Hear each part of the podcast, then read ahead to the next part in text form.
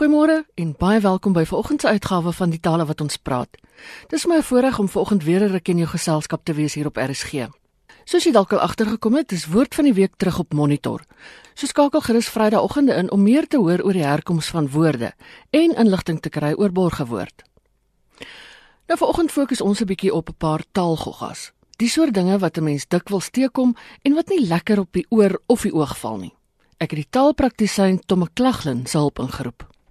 Tom mens hoor dikwels dat iemand sê hy het aan die span onttrek in plaas daarvan dat dat daar gesê word hy het hom aan die span onttrek. Wat gaan hier verkeerd in hierdie sin? Ina ja, uh, jong, dit is nogal 'n uh, uh, ding wat mense bietjie in konteks moet sien. Uh, laat ek eers sê 'n mens moet onthou dat uh, taalgebruik en spesifiek uh, sekere woorde of uitdrukkings uh, soms in 'n taal met verloop van tyd 'n bietjie verander. Ek het byvoorbeeld uh toe ek begin werk het as 'n taalpraktisyn uh, was dit heeltemal ondenkbaar om net te sê byvoorbeeld iemand het oorleef. Jy het altyd iets oorleef. Met ander woorde, ons moes hom ons moes die werkwoord oorleef altyd oorganklik gebruik. Hmm. En uh, vir die wat nou al so 'n bietjie hulle skoolgrammatiek vergeet het, 'n oorganklike werkwoord is een wat 'n direkte voorwerp neem. Met ander woorde, jy het 'n doener, die die onderwerp en dan die werkwoord en dan iemand of iets aan wie die werkwoord sal ek maar sê gedoen word. Ja. So 'n mens kon uh, daai tyd moes jy gesê het ek het ehm um, die oorlog oorleef of uh hy oor die boere oorleef die droogte of wat ook al. Ja. En met ter tyd het dit goed verander dat jy nou 'n uh, 'n mens kan nou maar net sê ek het oorleef in die uh, in die sin uh, dat jy aanhou bestaan sal ek nou maar sê sonder dat jy noodwendig iets hoef te oorleef. Ja. Nou ek ek dink trek ehm um, is besig om op min of meer dieselfde pad te gaan, maar dit wil nie sê mens moet nou sommer net ehm um, aanvaar dat dit uh korrek is nie. Onttrek het twee kenmerke. Die een is dat hy is ook 'n oorganklike werkwoord. Met ander woorde, jy het 'n doener wat iets of iemand onttrek. Ja. En daarmee saamhang die feit dat as dit as die doener en die persoon aan wie dit gedoen word dieselfde is, dan word dit 'n wederkerige werkwoord of 'n sogenaamde refleksiewe werkwoord. Ek moet dus eintlik sê ek onttrek geld sê nou maar uit my bankrekening. Ja. Of die staat onttrek sy leer uit 'n vyandige gebied. Of mense sou kon sê ehm um, die liggaam onttrek uh kalsium uit die been iets dergeliks. sien jy elke ja. keer is dit daar's iemand wat of iets wat iets doen wat die onttrekwerk doen en daar is 'n uh, voorwerp verbonde daaraan. As ek nou self onttrek, dan moet ek ook weer 'n doen 'n 'n voorwerp daarin sit en dit is wanneer hy dan uh weerkerig word. So ek kan nie net onttrek nie, ek moet my onttrek. Ja. En daarom is dit korrek om te sê ek onttrek my aan die span. Die speler het hom of haar onttrek aan die span. Die span het hom onttrek aan die wedstryd of aan die reeks of iets dergeliks. Ja. Hy het nie net sommer onttrek nie want dan uh, dan miskenne mens eintlik die hele idiomatiese gebruik van die woord onttrek. Ja, ja. Dit soortgelyk is die klasse hervat in plaas van die klasse word hervat. Ja, dit is dit eintlik presies hy werk op presies dieselfde manier as die hele onttrek ding wat waaroor ons nou pas gepraat het, want dit is ook 'n oorganklike 'n uh, werkwoord. So jy weet 'n mens of die doener hervat iets. Ja. Ehm um, 'n mens sou byvoorbeeld kon sê die voorsitter hervat die vergadering of uh die studente hervat hulle studie of iets dergeliks. Ja. Jy weet so jy kan nie uh, die studie kan nie net hervat nie. Maar nou as 'n mens om so as 'n mens so daaraan dink dat jy 'n uh, 'n oorganklike werkwoord het waarin jy die onderwerp het en dan die werkwoord en dan 'n direkte voorwerp, dan beteken dit ook 'n mens kan dit in die passiewe vorm of in die leidende vorm. Ja. Kan jy dit eintlik impliseer? Met ander woorde, as die oomblik wat ek sê, uh die dosent hervat die lesing, dan kan ek sê die lesing word hervat want ek impliseer deur die dosent. Ja, ja. So en dit word ook met ont uh trek. Ek kan sê die leer word onttrek uit die gevesgebied of of of wat ook al. Ja, ja. So onttrek en hervat is dus albei dieselfde omdat hulle oorganklike werkwoorde is. Maar nou moet 'n mens sê as dit as hulle in die leidende vorm gebruik word, dan word die doener dit wil geïmpliseer.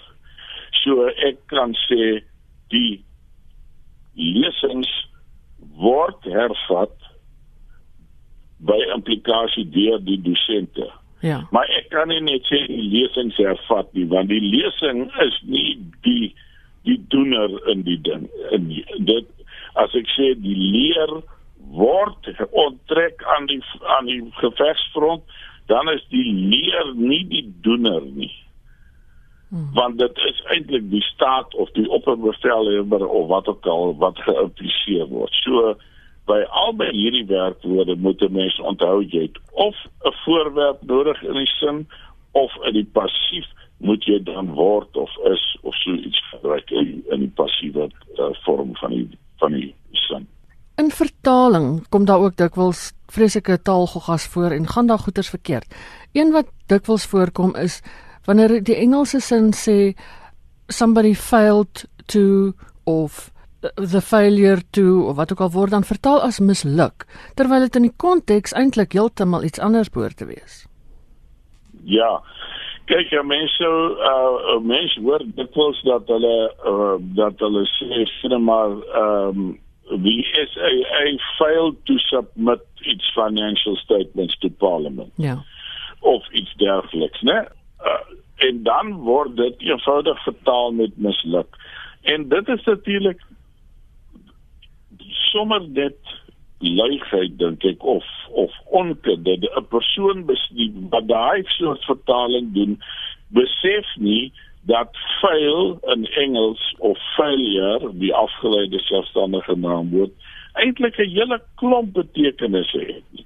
As 'n mens byvoorbeeld gaan kyk in 'n woordeboek soos die Shorter Oxford English Dictionary, dan sal jy sien daar word 'n hele handvol want uh, 12 15 betekenis onderskeidings gegee van die werkwoord fail mm. of to fail. So om om elke keer wanneer jy fail teken net te vertaal met misluk is is werklik waar 'n 'n teken daarvan dat die persoon nie werklik die Engels begryp nie. Mm. Ehm um, as 'n mens kan ook gaan kyk in die in in 'n in 'n vertalende woordeboek soos die bekende uh, Faros Engels Afrikaans Afrikaans Engelse uh, woordeboek of die ou tweetalige woordeboek. Daar word 'n hele klomp betekenisonderskeidings gegee of uh, of moontlike uh, vertalingsgroep groepe gegee vir 'n werkwoord soos vuil. Nou, jy weet, ba, dit kan natuurlik beteken misluk. Ja maar dit kan ook beteken druip. Jy het uh, jy jy, is 'n standaard of 'n eksamen gedruip. Jy het versuim om iets te doen. Dit of nagelaat om iets te doen en 'n hele klomp ander goed as jy byvoorbeeld sê my brakes failed dan het my remme nie misluk nie. Ja. Die die idiomatiese vertaling is sou wees die remme het geweier of nie gewerk nie of so iets, jy weet. Ja. So as 'n mens byvoorbeeld dan sou sê uh, is hy hy fail to submit its financial statements dan het hulle nagelaat om dit ingedien om dit in te dien of hulle het versuim om dit in te dien Ja. of uh, of in gebreke gebly om dit in te dien nie misluk nie as as jy sou sê uh, as jy misluk daar wil gebruik dan word dit eintlik 'n verskriklik ongemaklike manier van sê Ehm um, jy sal byvoorbeeld iets moet sê soos die SAL het daarin misluk om dit in te dien wat net heeltemal on-Afrikaans is, jy weet. Ja. So ehm um, ek dink uh, in die eerste plek moet jy seker maak dat jy verstaan wat beteken fail en of of watter ander woord jy dan ook al aan die vertaal is. Ja. En as jy nie seker is nie of as jy vreeslik moet sukkel om die vertaling wat jy ken in idiomatiese gewone Afrikaans om te sit soos ehm um, jy weet het daarin misluk om Ja. uh, so iets te maak dan moet jy weet gaan kyk eerder in 'n woordeboek ek het byvoorbeeld dag hier 'n uh, 'n uh, 'n uh, sin teëgekom waarin hulle sê die provinsiale regering kan ingryp en munisipale bystaan wanneer hulle daarin misluk om 'n uh, uitvoerende verpligting na te kom. Jy Ja. weet en dit is net jy uh, jy, versta, jy sukkel om dit te verstaan. Ja.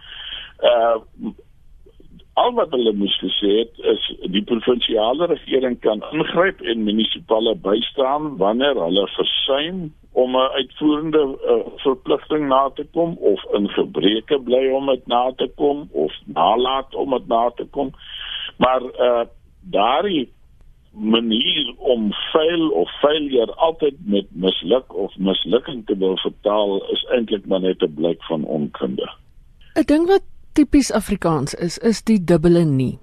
Het hy 'n spesifieke plek Ja. waar hy moet staan? Jong, hiermee raak jy nou reg waar 'n uh, 'n uh, 'n uh, 'n saak aan wat uiters kompleks is. Die die gebruik van die van die tweede nie nadat jy 'n ontkennende woord vroeër in 'n sin gebruik het want onthou dis nie altyd net twee nuus nie dit kan ook saamgaan met goed soos niks of geen of geen een of niemand of Ja. ja. so so iets en dit is natuurlik 'n baie tipiese ehm um, eienskap van Afrikaans dat hy daai tweede nie heel dikwels uh bysit en jy weet Ja. uh, die, die meeste gevalle kom daai tweede nie by. Nou as dit 'n baie lang komplekse sin word, dan kan die tweede nie uh, ek neem nou aan dat daar vroeër in die sin reeds 'n uh, uh, eerste nie was of 'n uh, ander ontkennende woord soos niks of geen of iets dergeliks. Ja. Ja. Dan kan die nie in op 'n ander plek in so 'n komplekse sin staan. Maar as dit 'n relatief eenvoudige sin is, uh nie te lank nie, hy het nie te veel bysinne nie en so aan, dan staan die tweede nie gewoonlik aan die einde van die van die sin. Ja. Uh jy weet 'n mens uh mens kan byvoorbeeld sê hy is nie uh moeg nie. Ja. Jy weet hy staan aan die einde van die ding. Of jy sal sê ehm um, daar is nêrens plek uh, in die saal vir my om te sit nie. Hy staan dus eintlik aan die einde van die sin. Nou as jy 'n uh, uh, ingewikkelde of 'n komplekse soort sin het wat sinne om twee of drie bysinne het dan kan die nie sê maar aan die einde van een van daai bysinne staan wat uh, genegativeer moet word terwyl die ander twee bysinne dit dalk nie nodig het nie. So dis dis bitter moeilik om nou 'n absolute antwoord te gee en te sê hy moet altyd aan die einde van die uh van die sin staan want dit dit hang baie af van die aard van jou sin. Ja. Maar normaalweg staan hy aan die einde van jou van jou sin al het daar die sin selfs 'n bysin in dit hoef nie net 'n hoofsin te wees nie. Mm. Daar's egter een ding wat 'n mens moet onthou en dit is wanneer jy 'n sin in het met 'n woordjie behalwe of tensy. Ja. Dan moet jy baie versigtig wees om nie jou uh tweede nie aan die einde te te plaas nie, maar voor die tensy of behalwe. As jy byvoorbeeld 'n sin het soos ons gaan nie die wedstryd kanselleer nie. Dan sit heeltemal in orde, die tweede nie staan aan die einde van die sin. Maar as jy nou 'n voorwaarde gaan byvoeg, dan moet jy sê ons gaan nie die wedstryd kanselleer nie behalwe as dit reën. Met ander woorde, die voorwaarde is as dit reën, dan gaan ek wel die die wedstryd kanselleer. Ja daar moet 'n mens nou nie sê ons gaan nie die wedstryd kanselleer behalwe as dit reën nie want dan begin jy jou betekenisse deurmekaar kry en veral met tensy is ja. dit 'n ding wat ek baie dikwels teenkom. Ja. Jy moet dus sê ons gaan nie die wedstryd kanselleer nie tensy dit reën. Nie ons gaan nie die wedstryd kanselleer tensy dit reën nie. Ja, ja. Want dan begin jou betekenisse 'n bietjie deurmekaar raak. Jy weet, en erger nog, jy sien baie keer dat mense so iets sê soos ons of skryf ons gaan nie die wedstryd kanselleer tensy dit nie reën nie. Ja. Ja. Jy weet dan dan sê jy eintlik presies die teenoorgestelde van wat jy bedoel. Ja. So die kwessie van die die die sogenaamde uh dubbele nie of uh, party mense noem dit 'n dubbele ontkenning wat eintlik nie waar is nie want dit die, die goed word nie twee keer ontken nie daar is maar net twee ontkenningswoorde in 'n sin. Ehm um, jy weet as jy 'n dubbele ontkenning het is dit die soort van ding soos uh, uh niemand sê my ook nooit niks nie. Jy weet. Oh, ja. ja. Maar uh, die uh, uh, dit is eintlik maar net 'n uh, dubbele ontkenningswoord of 'n tweede nie. Ja is uiters kompleks en 'n mens uh sou 'n baie ingewikkelde studie daarvan maak om presies te bepaal waar die nuus voorkom want dit het betekenis implikasies en idiomatiese implikasies en so aan. Oor die algemeen sou 'n mens sê in 'n uh redelik ongekompliseerde sin staan die tweede nie aan die einde behalwe as jy met sulke soort woorde soos tensy of so werk waar hulle dan dikwels voor die uh woord soos tensy staan. Dit was die taalpraktisyn Tomme Klaglin. daarmee is dit ook groet uit. Dit is altyd lekker om van jou te hoor, so as jy vir my e-pos wil stuur, my adres is strydomjj@sabc.co.za. Geniet die res van die Sondag in RSG se geselskap en van my Ina Strydom. Groete tot 'n volgende keer.